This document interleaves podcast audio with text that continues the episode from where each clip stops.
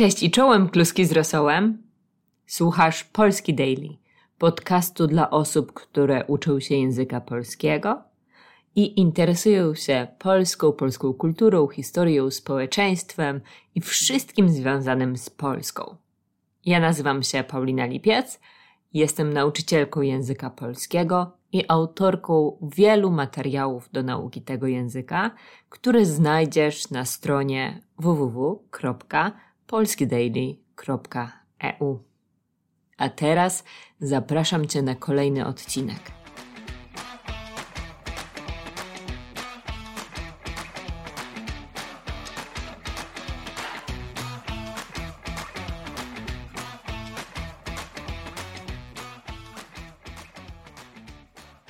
Założyłam TikToka i spędziłam na tym TikToku trochę czasu, szukając profili związanych z językiem polskim. Osób, które uczą się polskiego, e, obcokrajowców, którzy mieszkają w Polsce. Szczerze mówiąc, nie znalazłam zbyt wielu ciekawych profili. Jeśli macie, to koniecznie do mnie napiszcie i wyślijcie mi link. To będę Was śledzić. Ale znalazłam jedno nagranie, które mną wstrząsnęło. Bardzo długo nie mogłam się po nim pozbierać. Siedziałam i myślałam. A wszystko dlatego, że w tym nagraniu pewna, chyba Amerykanka, robiła zupę ogórkową. I zamiast ogórków kiszonych użyła ogórków konserwowych. Nie wyobrażam sobie, jak okropnie musiała smakować ta zupa. Chociaż w komentarzach pisała, że była smaczna. Eee, trudno mi sobie wyobrazić, że taka zupa mogła być smaczna, ale nawet jeśli była, to na 100% w niczym nie przypominała zupy ogórkowej z Polski. A dlaczego? I tutaj Was oświecę. Być może nie zdajecie sobie z tego sprawy ale to jest podstawowa wiedza z zakresu polskiej kultury i generalnie wiedzy o Polsce. Bez tej informacji nie możecie zostać znawcami Polski. Chodzi o to, że na półkach w polskich supermarketach i pewnie też na półkach w niektórych piwnicach znajdziecie dwa rodzaje ogórków w słoikach. Jedne będą się nazywać konserwowe i są to przetwory, ogórki zakonserwowane za pomocą octu. I te ogórki są też w krajach na całym świecie. W hiszpańskim supermarkecie, w niemieckim supermarkecie, w amerykańskim supermarkecie znajdziecie je pod nazwą pickles, pickle i tak. I drugi rodzaj to jest polska magia. To jest smak, esencja Polski. To ogórki kiszone, które niektórzy nazywają też kwaszone i tak naprawdę nie ma różnicy. O ile robi się to w sposób naturalny. Jak robi się takie ogórki? Takie ogórki poddawane są naturalnej fermentacji. Jest to bardzo prosty sposób, bardzo prosty proces, do którego nie potrzeba octu. Wręcz przeciwnie, ocet nie pozwala na naturalną fermentację, która jest super, super zdrowa, jest jakby esencją życia na Ziemi. I słuchajcie, nie przesadzam, nie przesadzam. Powiem Wam trochę więcej, dodam Wam trochę tła, zanim podam Wam przepis na ogórki kiszone i na polską fermentację. Do fermentacji potrzebujemy bakterii kwasu mlekowego. Po angielsku to jest LAB albo lactic acid bacteria, które znajdują się tak naprawdę na owocach, na liściach, na drzewach, w ziemi, o ile ziemia jest zdrowa. Na pustyni nie ma tych bakterii. W ziemi jałowej, czyli w ziemi, która nie ma mikroorganizmów, nie ma właśnie tych bakterii. Te bakterie są esencjalne, są potrzebne, żeby zachodziły naturalne procesy regeneracji ziemi. A ponieważ ostatnio bardzo interesuję się dezertyfikacją, em, rolnictwem regeneratywnym, wiem, wiem, powiecie, co ta Paulina znowu wymyśla, ale ja myślę, mam taką teorię, że odzywa się moje DNA. Moi dziadkowie byli rolnikami, moi pradziadkowie byli, byli rolnikami, i teraz ja czuję takie powołanie, które rośnie we mnie, i kto wie, może ja też w końcu będę rolnikiem, ale jeśli będę, to będę rolnikiem ekologicznym. I zaczęłam oglądać bardzo dużo wideo, nagrań, filmów na temat tych bakterii, jaki one mają wpływ na Ziemię. Okazuje się, że takie bakterie zjadają na przykład kompost, czy zjadają resztki, coś, co się rozkłada w ziemi. No ich, ich kupa, ich odchody to jest coś, co rośliny mogą przyswajać. Czyli one są jakby takim pośrednikiem między mikroelementami a organizmem, który je wchłania, te mikroelementy. Tak samo człowiek. Te, te same bakterie, te same bakterie znajdują się w naszym brzuchu. I ostatnio dość dużo mówi się o tym, że jelita, jelita są jakby drugim mózgiem człowieka. Że na przykład w jelitach e, powstaje serotonina, że to dzięki zdrowym jelitom czujemy szczęście albo też wpadamy w depresję, jeśli coś tam się złego dzieje bardzo dużo ludzi, którzy biorą antybiotyki, mają problemy z florą bakteryjną, brakuje im tych bakterii. Y, I z tego powodu okazuje się, że również mogą być smutni, być przygnębieni i wpadać w depresję. No już nie mówiąc o tym, że te bakterie w jelitach odpowiadają też za samo zdrowie układu trawiennego. Czyli układu, który trawi jedzenie, zamienia jedzenie na, na energię. I właśnie te bakterie, które są też w kefirze, w kimchi, podobne, chociaż nie takie same bakterie są w popularnej, modnej ostatnio kombuczy. I te bakterie kwasu mlekowego to są akurat te bakterie, które mają najwięcej badań, zostały najlepiej zbadane przez naukowców i wiemy na 100%, że pełnią dużą rolę w naszym zdrowiu. I właśnie te bakterie są odpowiedzialne za naturalną fermentację, tak bardzo popularną w polskiej kuchni. I ja sobie tak myślę, nie wiem czy to jest tak na 100%, ale jeśli te bakterie w ziemi zjadają resztki, zjadają jakieś stare liście i tak dalej, potem to wydalają i rośliny łatwiej absorbują to z ziemi, to one pewnie tak samo funkcjonują w naszym organizmie. Jeśli ich nie mamy, to nie możemy dobrze trawić i przyswajać, absorbować minerałów, witamin itd. Tak Więc ich potrzebujemy. I możemy je wziąć właśnie z kefiru, możemy je wziąć e, z suplementów, ale po co ktoś miałby brać pigułki z probiotykami, bo to są probiotyki te bakterie, jeśli może po prostu zjeść ogórka kiszonego albo kiszoną kapustę. Ale uważajcie, kiszona kapusta, czyli sauerkraut, taka ze sklepu, no ona może wcale nie mieć tych bakterii, bo producentom się nie opłaca jej utrzymywać w naturalnej fermentacji. A przynajmniej nie wszyscy, nie wszyscy producenci chcą to robić, Dodają też czasami różne konserwanty, jak kwas askorbinowy, którego wcale nie potrzeba, bo on pojawia się w kiszonkach naturalnie. Te bakterie zjadają cukier z warzyw i owoców, które kisimy. Więc nasze kiszonki są praktycznie bez kalorii. Tam jest bardzo mało kalorii.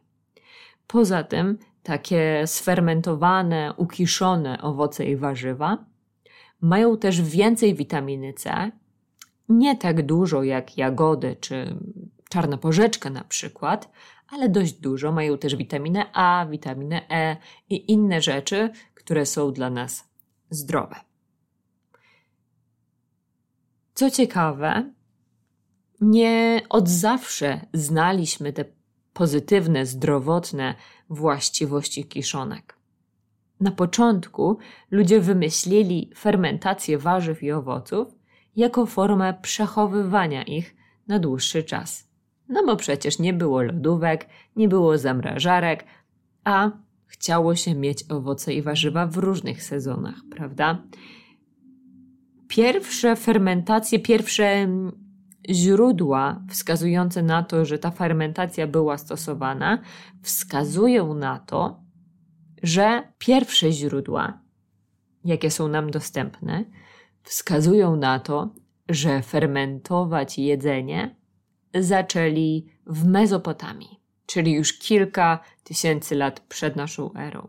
Grecy chętnie też jedli kiszone warzywa i już czuli, że coś tutaj jest na rzeczy, że to pomaga w jakiś sposób, może nie, na, nie w długoterminowym zdrowiu, ale przynajmniej w perystaltyce jelit, czyli w trawieniu. Dzięki kiszonkom nie mieli tyle gazów, częściej chodzili do toalety i po prostu czuli się lepiej. U nas w Polsce kiszonki to jakby symbol kultury ludowej. Polakom wydaje się, że to nasz naród je najwięcej kiszonek. Właściwie to nie znalazłam w internecie informacji na temat tego, który naród je najwięcej kiszonek, ale jemy dość dużo.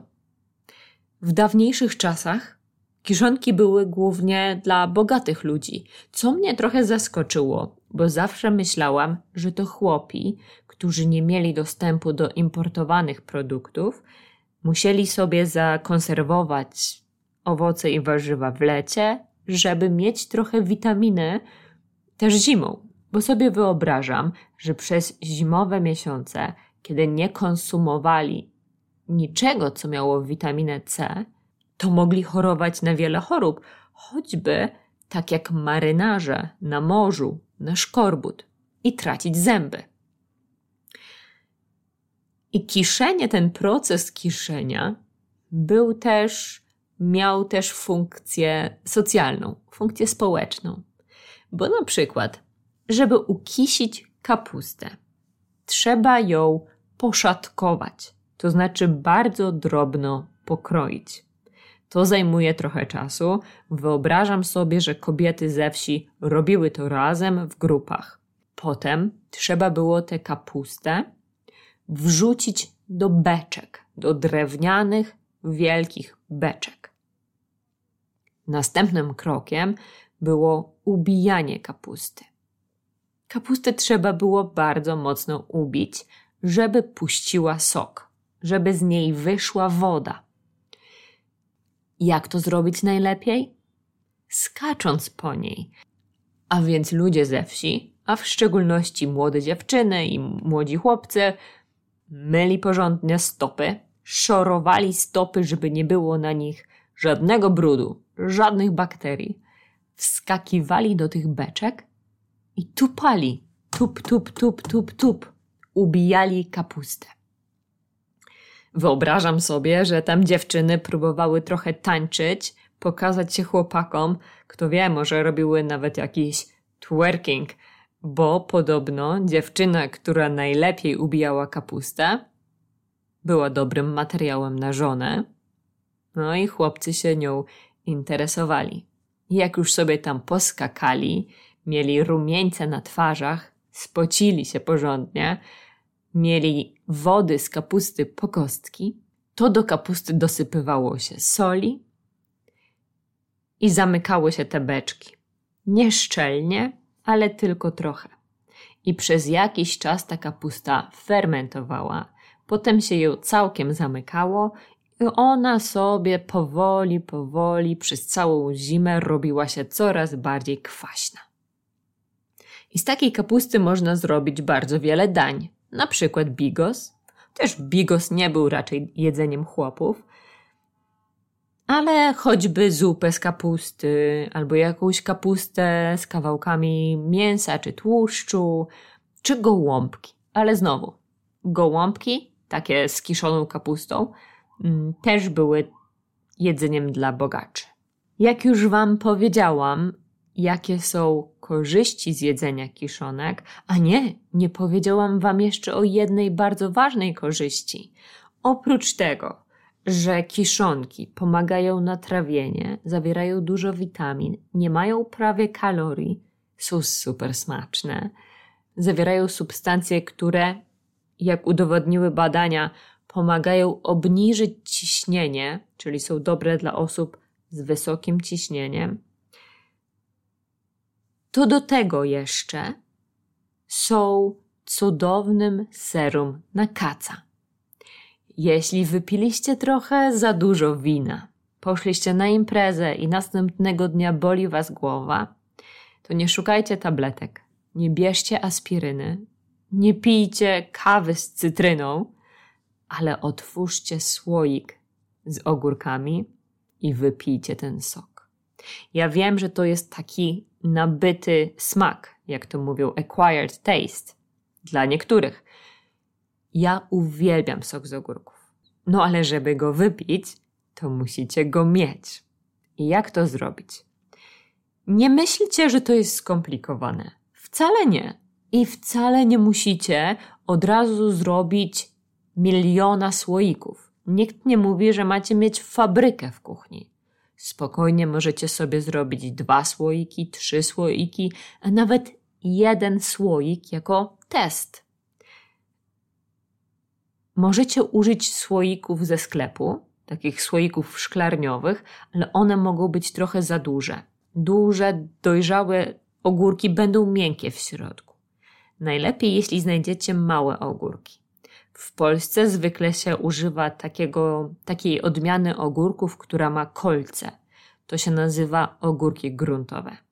Ale w wielu krajach ich nie, nie można znaleźć, więc ja używam takich malutkich ogóreczków. Malutkie ogóreczki tutaj nazywają się snack cucumbers. I one też się perfekcyjnie nadają. Są super.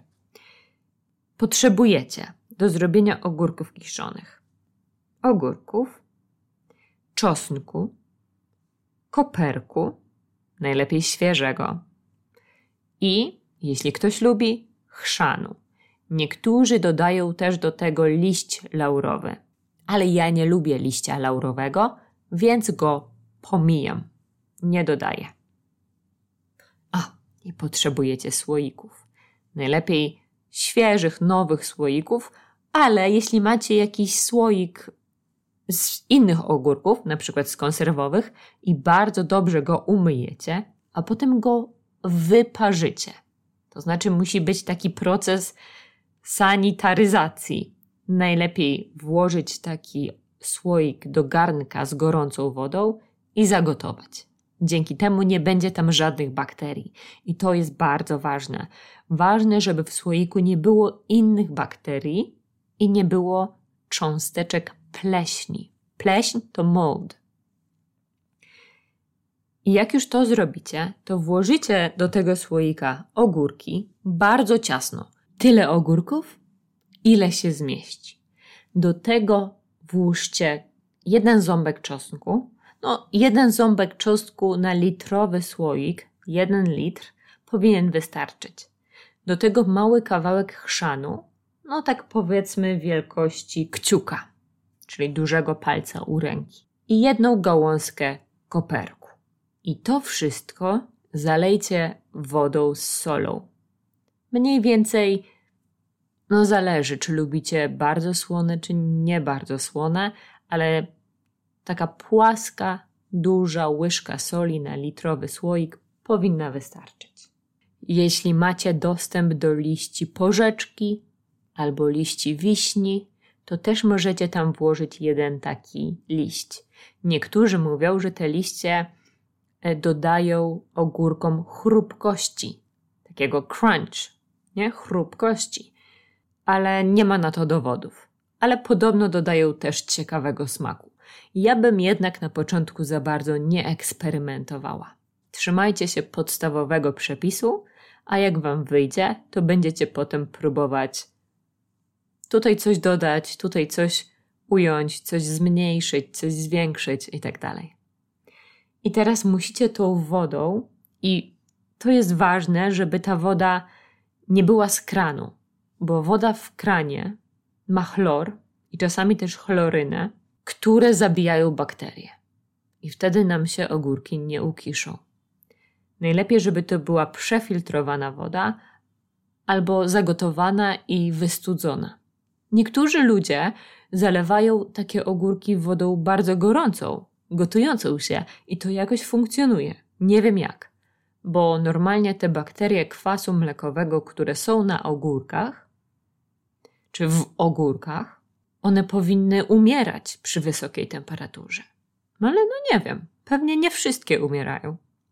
I trzeba zalać te ogórki do pełna, do końca, tak, żeby żaden ogórek nie wystawał ponad powierzchnię wody. To też jest bardzo ważne, bo jak będziecie mieć w słoiku miejsce, to tam może się zrobić pleśń. Więc nalewamy wody do pełna, zakręcamy słoik, ale na początku nie musicie go zakręcać bardzo szczelnie. Może być tylko taki trochę zakręcony, bo przez pierwszych kilka dni lub tygodni, to zależy od temperatury, będzie się robił gaz i ten gaz będzie wychodzić sobie. Ale niektórzy też od razu za zakręcają ogórki bardzo szczelnie i to też funkcjonuje. To zależy. I teraz tak, jak macie wysoką temperaturę, to ogórki się zrobią szybko. Jak macie niską temperaturę, i tak jest zwykle w Polsce, że ogórki zabiera się do piwnicy, gdzie jest zimno i one sobie fermentują przez kilka miesięcy. Ale ja nie lubię tak długo czekać, więc wolę sobie postawić po prostu na blacie w kuchni i mam je dużo szybciej, bo tam jest trochę cieplej. I jeszcze mam taki jeden inny trik. Jak już mam jedne ogórki ukiszone i mam taki słoik otwarty i akurat robię nowy słoik, to dodaję do nowego słoika łyżkę soku z tych starych ogórków, bo tam już jest więcej bakterii, które się rozmnożyły. I to nie musi być tylko sok z ogórków. To może być też sok z domowej roboty kapusty kiszonej, albo z buraków kiszonych, albo co jeszcze takiego kisimy? Cokolwiek, co, co kisicie, bo tak naprawdę tą metodą możecie ukisić praktycznie wszystko. Nawet słyszałam o kiszonych cytrynach albo kiszonym arbuzie. Wyobrażacie sobie kiszony arbuz? I no właśnie, jak już, jak już macie ten starter, już gdzieś macie trochę soku z tych kiszonych warzyw, to możecie go też użyć do robienia domowego zakwasu. W czasie pandemii wszyscy stali się specjalistami od pieczenia chleba. Perfekcyjnie to rozumiem, bo sama uwielbiam zapach świeżego chleba w domu. I robię zakwas. I wielu ludzi mówi, że och, próbowałam, ale ten zakwas mi nie wyszedł, coś zrobiłem źle, może zła mąka, złe proporcje. I tak naprawdę nieważna jest ani mąka, ani proporcje, bo proporcje powinny być pół na pół, łyżka mąki na łyżkę wody, albo trochę więcej mąki niż wody. To zależy, jaką chcecie mieć konsystencję. Powinna być konsystencja jogurtu, powiedzmy. Może być zwykła mąka ze sklepu, chociaż nie może być taka mąka, do której jest dodany proszek do pieczenia, bo wiem, że w Ameryce, może też w innych krajach, jest coś takiego jak self-raising flour i to nie może być. Ale każda inna mąka może być. I może być mąka pszenna, może być mąka żytnia, mąka orkiszowa. To będzie działać. Ale myślę, zastanawiałam się, gdzie jest błąd, który ludzie robią. I albo nie mają ultra czystego słoika, czyli nie wyparzyli sobie słoika w gorącej wodzie, albo używają wody z kranu na start. I pamiętacie, woda z kranu ma chlor, Chlor zabija bakterie. Nie będzie starteru. I taki starter z wodą, mąka z wodą, jest używany w Polsce też do robienia żurku. Ale tutaj musi być mąka żytnia. I używamy więcej wody niż mąki. Wtedy on jest bardziej płynny i potem dodajecie go do zupy, do żurku. A jeśli zechce się Wam ukisić buraki, czerwone buraki, to możecie je dodać do barszczu. I taki barszcz na Boże Narodzenie będzie smakował o wiele lepiej niż dodawanie do gorących, świeżych buraków soku z cytryny czy octu. Kompletnie inny smak i według mnie dużo lepszy. I macie jeszcze czas. Jest dopiero początek listopada, do Bożego Narodzenia dwa miesiące. I to może być dla Was challenge, wyzwanie, jak być Polakiem. Ukisić sobie zakwas z buraków. Co Wy na to? I to na tyle w tym kiszonym odcinku. Mam nadzieję, że zachęciłam Was do naturalnej fermentacji i do eksperymentów w kuchni. Jeśli uda Wam się coś ukisić, to koniecznie wyślijcie mi zdjęcie albo na Instagramie małpa polski podkreśnik daily, albo na maila paulina małpa polskidaily.eu. A ja się z Wami już żegnam. Życzę Wam miłego tygodnia i do usłyszenia. To już koniec i bomba. Kto nie słuchał, ten trąba. Cześć.